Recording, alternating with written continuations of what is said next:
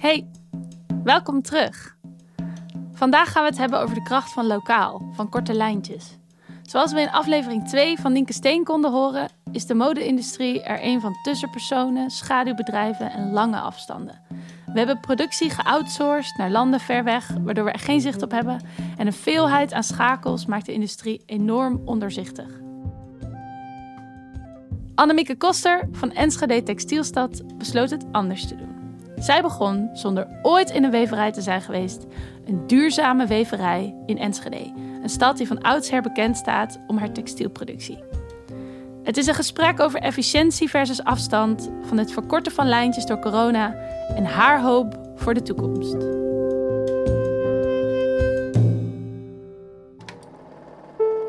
Zoals het een echte pandemie-podcast betaamt, zijn deze gesprekken niet live opgenomen, maar via Zoom. En dat kun je soms horen aan de audio-kwaliteit. Kun je mij horen en of zien? Ik kan je nog niet horen en ook niet zien. Oh, hij is connecting. Dat is logisch. Oh ja. Ja, ik hoor je! Wie ben je en wat doe je? Ik ben Annemieke en ik heb zes jaar geleden een duurzame weverij gestart, Enschede Textielstad, waar ik met gerecyclede garens uh, stoffen produceer voor mode en interieur. Nice. Um, laten we bij het begin beginnen. Wat zijn de effecten van corona op dit moment voor jouw weverij? Oei, lastige. Ja, ik, ik word daar veel naar gevraagd van, goh, hoe heb jij het zakelijk met corona en wat zijn de effecten voor jou? En eigenlijk vind ik het toch heel moeilijk om nu de effecten echt te kunnen peilen. Omdat ik zelf vooral er een beetje bang voor ben dat dat nog veel later gaat terugkomen. Want um, nou ja, wij maken duurzaam textiel, dat doen we in Nederland en dat doen we al op een hele andere manier dan heel veel gangbare producenten. Dus onze klanten zijn ook niet partijen die zeg maar echt de, de, de fashion weeks en de seizoenen en dat soort dingen volgen. Dus in die zin hebben wij wat minder last van cancelen van orders of um, dat soort zaken. Ik, ben, ik merk alleen wel, en dat vind ik best wel zorgelijk. Het is een beetje een mix van hoop en vrees tegelijk omdat er aan de ene kant hele mooie dingen gebeuren. Ik heb ook echt wel waanzinnig mooie gesprekken met mensen die al heel lang op het lijstje stonden om eens een keertje te benaderen. En klanten die echt heel open en eerlijk zijn, waar je hele mooie gesprekken mee hebt, die je anders misschien met, met minder tijd of meer tijdsdruk op je dag uh, niet zou kunnen hebben. Tegelijkertijd hoor ik ook wel vaker dan me lief is van ja, we cancelen even ons duurzame verhaal, want ja, dat is dan even iets voor de toekomst, dat kan nu eventjes niet uit. Waarmee duurzaamheid eigenlijk als een soort van luxe ding wordt gezien. En bijna vooruit wordt geschoven van ja, dat is een luxe die we ons nu niet kunnen permitteren. Uh, dus we gaan nog eventjes door zoals we al door gingen. En dat geldt niet zozeer voor onze klanten, maar juist voor wat landelijke initiatieven of uh, potentiële klanten die daar nu toch wel eventjes vanaf zien, omdat ze het niet aandurven. Dus dat, oh, wow. dat vind ik het moeilijke om daar ook dan al gelijk aan te hangen van ja, wat zijn voor jou directe gevolgen, is lastig, maar nou ja. Nou, ik, ik was daar wel benieuwd naar ook, omdat ik hoor eigenlijk veel dat uh, sustainability en duurzamer produceren en ook duurzamere businessmodellen juist nu een enorme kans zijn. Maar het is wel interessant om dan voor jou te horen dat de ambities die daar lagen, dan nu even een soort van on hold worden gezet. Nou, het is heel dubbel, want daarom is het ook heel moeilijk om er een eenduidig antwoord op te geven. Maar ik merk bijvoorbeeld wel aan de andere kant, en dat vind ik weer een zo'n heel positief signaal. Um, de afgelopen paar weken hebben we nu al een paar keer mensen gehad die ons gemaild hebben met de vraag van hey, uh, ik loop al heel lang met het, idee, met het idee voor een eigen duurzame kledinglijn. Ik zie nu nog meer dan eerst al het belang van duurzaam produceren dicht bij huis. Kunnen jullie ons helpen met stoffen? Uh, dus dat zijn mensen die thuis zitten, die misschien wel, omdat ze niet meer elke dag naar hun werk hoeven te forensen, wat tijd over hebben, daardoor heel erg zijn gaan nadenken en versneld hun idee zijn gaan uitvoeren. Dus dat zie je wel, en dat vind ik wel weer heel hoopgevend, dat het mensen creatief en innovatief maakt. Dus ja, in die zin zie je dat aan alle kanten gebeuren. Ja, dus, dus het is een hele dubbele uh, boodschap. Want op, aan de ene kant denk ik dat uh, duurzaamheid, lokaal produceren veel meer in de spotlight staan en daardoor ook echt wel een vlucht kunnen gaan nemen. Misschien wel door of, of mede dankzij de coronacrisis. Tegelijkertijd maak ik me aan de andere kant weer zorgen over de hele grote bedrijven die orders cancelen of die betalingen uitstellen. Waardoor je wel merkt dat de grotere bedrijven die kunnen dat wel eventjes opvangen. Maar juist de kleine initiatieven die bijvoorbeeld net gestart zijn of die nog niet zo heel veel financieel spek op de botten hebben, zeg maar. Die vallen dan nu juist om door al die maatregelen, uh, uitstellen van betalingen, et cetera. Dus ook daar vind ik het een heel dubbel signaal. En geeft het kansen, maar zeker ook wel vrij grote uitdagingen in de markt. En merk je dat jouw uh, manier van dit bedrijf runnen, jouw duurzame visie, maar ook je businessmodel, een soort made-to-order-achtige constructie, nu voordelen heeft? Nou, in die zin zeker. Wij produceren eigenlijk altijd al pas uh, op het moment dat er een order is. Dat betekent ook dat we nu dus niet met heel veel gecancelde voorraden of dat soort dingen zitten, want we hebben gewoon geen voorraad omdat we vraaggestuurd produceren dat is dus heel fijn dat we in die zin heel wendbaar zijn en niet heel veel uh, risico's nemen op dat vlak. Ja, en, en überhaupt merk ik dat door partijen aan te trekken als klant die niet zozeer in die red race van sneller, beter, meer, goedkoper zitten, dat wij daardoor nu ja, ook door kunnen met dat soort partijen die zich dus niet zo heel erg gek laten maken door de crisis die er nu is. En wat bedoel je dan met ze laten zich niet gek maken? Uh, nou, ik heb één uh, klant, dat is een ontwerpster uit Duitsland. Die heeft voor haar thuis, heeft ze een paar maanden geleden, had zij stof besteld voor het herstofferen van haar bank thuis. Uh, was ongeveer 10 meter. Maar ze stuurde me een mailtje van, goh, als je wil mag je wel vast de factuur sturen. Want ik hoor alleen maar verhalen om me heen van mensen die hun orders cancelen en zo. Ik wil juist, hè, als het jou helpt, stuur de factuur maar. Uh, weet je, dat is een heel klein gebaar en dat is ook, was ook helemaal niet nodig. Maar ik vind wel het laat wel zien met wat voor mensen we samenwerken en wat voor mindset die hebben. En dat die dus niet zitten in de cashflow gedreven business van we moeten zo snel mogelijk zorgen dat we betalingen uitstellen en dat soort zaken. Maar dat het gewoon veel meer om, om toegevoegde waarde van het product gaat en daardoor een andere manier van ook met elkaar omgaan, zakelijk gezien. Ja, dus dan, ik, ik hoor ook uit de duurzame hoek wel een beetje soort van uh, zachtjes de theorie dat duurzame merken gewoon en modemerken, maar alles wat alle bedrijven die een duurzame visie hebben, hier überhaupt anders mee omgaan, humaner mee omgaan. Misschien iets eerlijker en minder angstig voor uh, de winstcijfers. Heb, heb jij het idee dat dat klopt? Nou ja, ja en nee, want ik vind het ook ik vind het gevaarlijk om nu te, te veel te gaan generaliseren. Want er zijn ook heel veel grote bedrijven die hier prachtig mee omgaan. Die juist hebben gezegd van joh, we proberen banen te behouden. Uh, we gaan geen mensen op straat zetten en we willen door. Vind ik ook overigens best wel een lastige. Hè? Ik ben zelf pro niet te veel produceren. Dat is ook waarom wij vragen gestuurd produceren. Dus ik vind het ook wel heel goed dat bedrijven nu kijken door die crisis van ja, moeten we altijd wel zulke volumes maken? Kunnen we wat we nu niet verkopen, kunnen we dat volgend jaar nog verkopen? Dat vind ik op zich een, een goede ontwikkeling. Alleen als je dan kijkt naar het effect daarvan in sociale zin op uh, de productiebedrijven in het buitenland, hè, dat in Bangladesh orders worden gecanceld en dus volgend jaar een heel groot probleem gaat ontstaan als die merken niet weer terugkomen met nieuwe orders, dan merk je wel van ja, je zit wel in een bepaald systeem vast en, en het is deels goed dat dat systeem weggaat, maar het geeft ook weer nieuwe problemen. Dus, dus ik vind dat een lastige. Ja, en om, om wat concreter antwoord op je vraag te geven, ja, ik, ik, ik denk dat met name de socialere bedrijven, dat die wel echt anders omgaan met deze crisis en ook met hun mensen in die crisis. Omdat, nou ja, ik zie dat om me heen, ook bij niet-textiel gerelateerde ondernemers, um, juist de ondernemers die weten wat de waarde van hun personeel is, weten wat, hoe belangrijk het is om met die mensen te blijven samenwerken. Die zijn nu ook niet zo snel van voor jou tien anderen, dus ik zet je op straat, want dat scheelt me weer geld. Die zijn gewoon veel meer van, joh, een werkrelatie is ook gewoon iets wat je in goede tijden en slechte tijden uh, moet proberen vol te houden. En ja, dat, dat vind ik wel heel mooi om te zien. Ja, en je, je zei net al even die keten. Aan de ene kant heel goed is dat daar nu een beetje druk op komt. Hoe, hoe we die altijd georganiseerd hebben. Maar dat het natuurlijk ook een soort van onvermijdelijk gepaard gaat met een soort schade aan, nou ja, dat er gewoon wel mensen heel direct afhankelijk zijn van dat wat wij in die enorme volumes produceren. En wij zijn natuurlijk aan deze kant van de lijn de hele tijd bezig met, jongens, we moeten eigenlijk minder produceren en het moet eigenlijk anders. En nu dat gebeurt, op een hele extreme manier, klapt de boel daar als het ware in elkaar. Is er een soort slow way om dat te doen, denk jij? Een soort zachtere manier om, om toch dat effect te bereiken, toch te zorgen dat we minder produceren?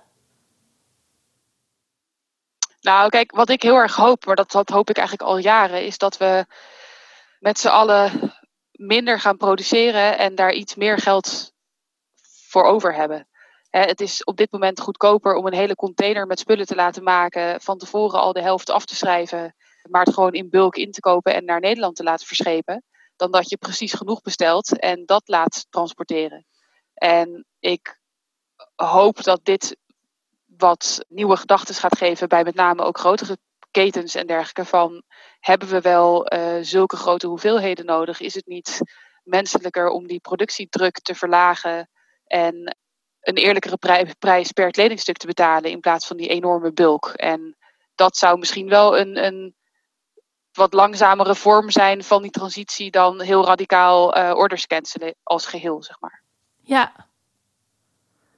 Ja, en je ziet natuurlijk vaak dat de industrie de consument een beetje als excuus gebruikt voor de huidige gang van zaken. Dus die consument zou goedkope kleding willen, die zou snelle wisselingen van collecties willen. En dat zou de reden zijn dat de industrie het eigenlijk een beetje voor zich uitschuift om te handelen. Ik denk dat de consument ergens gewend aan is geraakt en dat dat het gevolg is van een systeem wat we met z'n allen hebben gecreëerd. En dat is onvermijdelijk waarschijnlijk het gevolg van zowel de consumentenvraag als het aanbod vanuit de producent. Maar ik denk dat het met name gewenning is. Als je bijvoorbeeld naar de supermarkt kijkt, we zijn nu ook gewend dat je uh, om tien uur s avonds nog de Albert Heijn in kunt rennen en daar een uh, vers brood kunt kopen. Nog niet zo heel lang geleden was de supermarkt gewoon om zes uur dicht. En dan regelde je het ook na je werk dat je nog je boodschappen deed en je dingen voor elkaar had. Was de supermarkt niet op zondag open? Had iedereen op zondag wel eten in huis? Uh, en met kleding is het een beetje hetzelfde. Dat je klikt nu in, in een minuut iets naar huis en verwacht dat het de volgende dag uh, bij je op de stoep staat. Ik denk dat als we die verwachting een beetje kunnen temperen en kunnen voorkomen dat ja, die continue vernieuwing dat dat nodig is. Ja, volgens mij verander je dan ook al heel veel. Ik, ik weet nog van vroeger, ja, nou klink ik een beetje zo van, ja, vroeger was alles beter. En dat, dat is helemaal niet zeker zo. Maar toen ik net kleedgeld had, dan had je gewoon een half jaar om te bedenken of je dat kledingstuk ging kopen of niet. Want het lag gewoon zo lang in de winkel. En op dit moment is het aanbod verwisselt zo snel dat je, ja, binnen twee weken wisselt de totale collectie van een winkel. Waardoor je ook, ja, dat voedt ook de nieuwsgierigheid van de consument. Dus is het dan de consument die iets wil, of de producent of, of het merk wat het continu maar blijft aanbieden en daardoor een bepaalde gewoonte creëert en in stand houdt. Ja, precies. Ik vind het wel heel hoopvol, want ik heb nu natuurlijk al best wel wat interviews gedaan en ik hoor dit geluid eigenlijk steeds meer. En ik vind dat, eh, zeg maar, als contrast tegen de afgelopen jaren, waarin we toch heel veel eh, op die consument hebben gefocust en het gedrag van die consument, vind ik het wel heel hoopvol dat het nu toch lijkt dat de industrie zich bewust wordt dat ze niet kunnen wachten tot de consument andere keuzes maakt. Ik was uh, nog even benieuwd, want je zei net iets over lokale productie. Weten mensen jou in deze coronatijden dan juist beter te vinden omdat je dichtbij bent? Nou, zeker op het gebied van medisch textiel bijvoorbeeld. Er is natuurlijk een enorm tekort aan bepaalde producten op dit moment. En daar weten uh, mensen heel snel de Nederlandse partijen te vinden dat geeft ook wel hoop voor ander type producten, dat dat toch wel wat meer aandacht krijgt en dat mensen wat meer lokaal zijn gaan kijken, omdat snelheid en wendbaarheid in deze tijd opeens veel belangrijker is dan prijs en ja, dat soort factoren. Dus dat is op zich een goed teken. Uh, dus in die zin zie ik wel dat productie in Nederland, of in ieder geval dicht bij huis, steeds meer in de spotlights komt te staan. Ja. En hoe belangrijk is, denk je, lokale productie voor een duurzamere toekomst? Ik denk dat dat een van de key factors is om naar een duurzame toekomst te gaan. Ik vergelijk zelf de kleding- of textielindustrie heel vaak met de voedingsindustrie. En ik heb het idee dat, dat textiel een jaar of tien achterloopt op wat er op voedingsgebied gebeurt. Uh, en dat we nu eigenlijk zeg maar, met textiel in de fase zitten dat we de legbatterij-eieren niet meer oké vinden. Dus die massale productie in het buitenland, dat, daar is iedereen zich in meer of mindere mate wel van bewust dat dat niet goed is en dat dat niet de manier is waarop je zou moeten willen dat jouw kleding wordt geproduceerd. Je ziet tegelijkertijd ook steeds in toenemende mate uh, lokale ontwerpers aan populariteit winnen. Het is, uh, de nieuwe luxe is meer een, een handgemaakt item van iemand die bij jou om de hoek woont, dan dat je een uh, heel duur merk wil kopen. dus die ontwikkeling zie je heel erg. Dus vandaar geloof ja, ik, ik geloof heel erg in de maker van je producten kennen. En je ziet bij voeding dat het gewoon uh, nou ja, support your locals met uh, voedingsboxen in deze tijd en zo. En volgens mij gaat de textielindustrie daar ook steeds meer heen. Dat het mooi is om te zien waar iets gemaakt is, om de grondstoffen te zien groeien en het hele proces te kunnen zien van grondstof tot eindproduct. Volgens mij waardeer je dan ook de kleding die je draagt veel meer als je weet wie het gemaakt heeft. Tenminste, ik gooi de, ja, je gooit een handgemaakte trouwjurk ook minder snel weg dan uh, een trui van H&M. En hoe zou die lo lokale maakindustrie in Nederland eruit moeten zien of kunnen zien, denk jij? Nou, ik weet niet per se of die echt in Nederland zou moeten zijn. Want ik denk op, op afvalgebied bijvoorbeeld dat hoe meer textielafval je kunt sorteren, hoe beter je het uh, in verschillende materiaalstromen kunt sorteren. Dus de vraag is dan eventjes van moet dat dan echt op regionaal of landelijk niveau of zou je daar dan ook Europees gezien iets in kunnen doen? Ik denk dat nou ja, van een lineaire keten naar circulaire samenwerking, dat dat heel belangrijk is. Daar, daar neem ik met het bedrijf ook wel veel stappen in door samenwerkingsverbanden op te zoeken met andere partijen in de keten. En bij mij begint het bijvoorbeeld als ik een meubelstoffeerder uh, aan de lijn krijg die een materiaal wil inkopen voor een duurzaam meubelstuk. Dan vraag ik ook altijd wel van ja, heb je al ideeën over hoe je het gaat verwerken straks? Want ik weet dat heel veel meubelstoffeerders gewoon een, een lijmspraygun pakken en uh, textiel op het meubelstuk vastlijmen. Nou, als je dat niet doet, maar um, andere technieken gebruikt waardoor een stof te reinigen is, eventueel te vervangen en als het doorgesleten is, gerecycled kan worden, uh, dan ben je samen al in discussie over hoe je met het product omgaat om het uiteindelijk ook goed te kunnen hergebruiken. En ja, het, het, het contact met de eindgebruiker, uh, het contact met de inzamelaar, uh, ja, dat zijn hele belangrijke dingen om naar een goed werkende Nederlandse industrie te gaan, denk ik. Ja, dus wat je eigenlijk zegt is dat het veel meer gaat over hoe we samenwerken dan waar je dat precies organiseert. Ja, kijk, en ik, ik geloof zelf wel in, in lokale samenwerkingen, maar dan is eventjes de vraag um, hoe groot de cirkel van lokaal is. Ja, exact. Dus het is vooral hoe kort kun je de lijntjes houden en waar iemand dan zit is dan iets minder belangrijk. Maar laten we niet Bangladesh doen, zeg maar. Ja, en ik denk dat, dat, dat er een, een soort tipping point zit van efficiency van een samenwerking en nabijheid. En dat je daar de optimale balans zou moeten zoeken. Het gesprek dat je net hoorde is opgenomen in lockdown 1 in het voorjaar. Er was toen nog heel veel onduidelijk. Hoe lang gaat corona duren? Hoe zwaar is deze crisis? Zijn we er na de zomer vanaf? Of komt er een tweede lockdown? Nou, inmiddels zitten we in die tweede lockdown. En omdat Annemiek in lockdown 1 met een aantal hele mooie dingen bezig was, waaronder de productie van medische jassen en misschien zelfs mondkapjes, was ik benieuwd hoe het daarmee stond en heb ik haar even gebeld voor een update. Uh, nou, uiteindelijk heb ik gefocust op jassen, want mondkapjes vond ik gewoon zeker in die fase waarin het nog heel erg ging om medisch geschikte mondkapjes, durfde ik me er gewoon niet aan te branden, want nou ja, een, een stoffen mondkapje kan potentieel wel helpen, maar is in ziekenhuissituaties gewoon niet veilig genoeg op dit moment. Het is natuurlijk wel mooi om te zien dat daar ook weer ontwikkelingen in gaande zijn en dat juist nu de paniek van maart zeg maar voorbij is, is de overheid ook aan het meedenken van kunnen we dingen recyclebaar maken, zijn daar mogelijkheden voor. Dus dat vind ik ook wel heel goed om te zien. Dat um, ja, nu de rust is wedergekeerd, dat ook aandacht krijgt. Uh, maar ik heb wel geholpen bij de productie van uh, jassen, van die operatieschorten die je zeg maar achter je rug uh, strikt. En het fijne is daar dat, um, nou ja, dat komt echt even niet van een gerecycled of duurzaam materiaal. Maar we hebben dat wel bij vier Nederlandse sociale bedrijven kunnen doen. Dus bij Van Hully, bij twee ateliers van iDit en bij Makers Unite. En het is gewoon heel fijn dat, nou ja, dat was een hele goede samenwerking. Uh, met Makers Unite doe ik nog steeds nu dingen omdat we elkaar zo gevonden hebben in dat project. Dus dat heeft ook wel die ateliers best wel geholpen in die periode. En daar zie je wel dat op het moment dat productie in het buitenland weer een beetje opkwam, maar dat zie je met de mondkapjes ook. Er wordt nu gewoon grootschalig uit China geïmporteerd, terwijl er in Nederland nu een mondkapjesfabriek staat die hetzelfde zou kunnen maken. Dus we slijten snel weer in onze oude patronen, merk ik. En dat vind ik af en toe wel, uh, wel jammer. Oh, wat raar ook. Ja, het is. Nou ja, weet je, dat is, dat is met, met van het medisch textiel bijvoorbeeld. Kijk, je hebt natuurlijk gewoon in China hele grote fabrieken die daar al jarenlang in gespecialiseerd zijn, die dat echt heel goed kunnen maken. En toen die niet bereikbaar waren en gewoon niet konden leveren, is er van alles opgekomen om te kijken of je dat in Nederland kunt produceren. En het is natuurlijk ook lastig van ja, ga je een volledig doorontwikkeld product wat weer beschikbaar komt in China, koop je dat of uh, steun je de nog net niet volledig goed uh, versie uit Nederland? Ja, ik, ik, weet het niet. Ik, ik weet ook niet wat ik zou doen als ik in de schoenen zou staan van ziekenhuisinkopers. Maar ik hoop dat het, het dat het medische aspect hier een rol speelt en dat het niet um, het gewoontepatroon is van, nou ja, het kan weer in China, dus we kopen wel weer daarin. Ja, precies. En je zei net van de overheid denkt nu ook mee over recycling. Daar is echt dus een gesprek op gang gekomen daarover.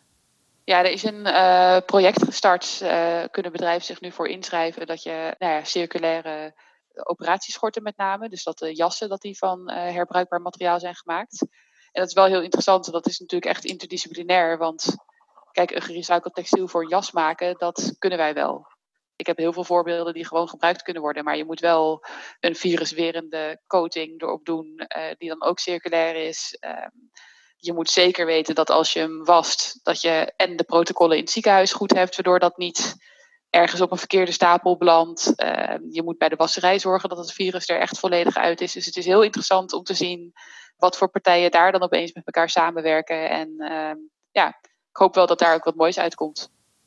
Het is ook wel, ik hoor sowieso veel samenwerken. Dus er zijn echt in een heel hoog tempo allemaal best wel intensieve en grootschalige samenwerkingen opgetuigd in corona. Nou, zeker. En ik denk dat dat ook wel, als ik, nou ja, Nederlandse ondernemers of, of, of we zijn natuurlijk heel goed met z'n allen in innovatie. En ik vond het ja. best wel mooi om te zien dat zo'n pressure cooker van paniek en stress wel voor hele mooie dingen zorgt. En op een gegeven moment heb ik ook met die mondkapjes heel erg ervoor gezorgd van oké, okay, ik spreek heel veel mensen, laat ik proberen die verbinding te creëren. Want iedereen had op een gegeven moment hetzelfde probleem. We hebben een mondkapje, maar niemand kan hem testen. Nou ja, toen waren er een paar mensen die waren bij een lab binnengekomen om, om dat te laten testen. En toen toch gezorgd van ja, zorg nou dat je al die partijen die iets willen laten testen, zorg dat je kennis deelt, dat je um, in één batch gewoon al die mondkapjes test en, en van feedback voorziet, waardoor iedereen verder kan en elkaar ook eventueel kan helpen. Dus nou ja, dat is wel fijn om te zien dat dat ook steeds meer uh, gebeurt in dat soort situaties. En ook voor een circulaire economie is dat natuurlijk essentieel dat mensen samenwerken. Dus je zou dus op een bepaalde manier ook kunnen zeggen dat we nu hebben laten zien dat het wel degelijk kan. Denk het wel. En ik, ik, nou ja, ik, ik hoop dat het beklijft dat productie dicht bij huis gewoon belangrijk is. Want het duurt gewoon veel langer. Die hele innovatie met die producten had niet gekund als we het materiaal uit een ander werelddeel hadden moeten halen. Dus juist het feit dat je op land zeg maar uh, je materiaal haalt en, en, en niet met vliegtuigen, zeecontainers, wat dan ook aan het, uh, aan het handelen bent, maar hier in Europa dat probeert voor elkaar te krijgen. Dat, ja, ik denk dat dat heel belangrijk is voor alle vormen van productie en consumptie.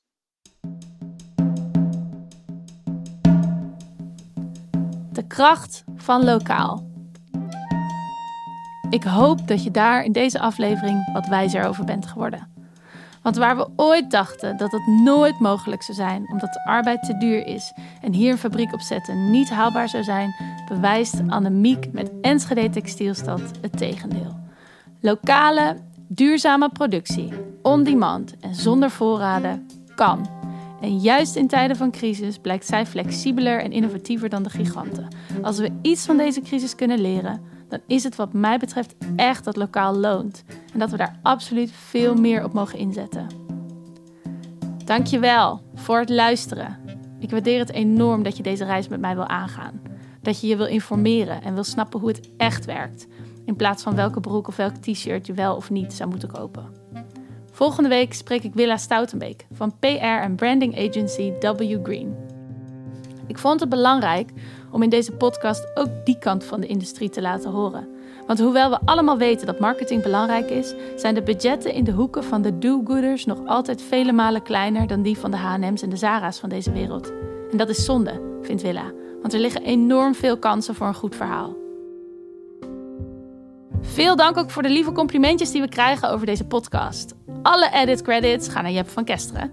Check zijn info in de show notes. Als je zelf een podcast maakt of die ambitie hebt, he's your guy. En Annemieke, dank voor je tijd. Twee keer zelfs. Je fijne verhaal en je onvermoeibare positiviteit. Mijn naam is Rosa Scholtens en deze podcastserie wordt mogelijk gemaakt door Cirkelwaarde.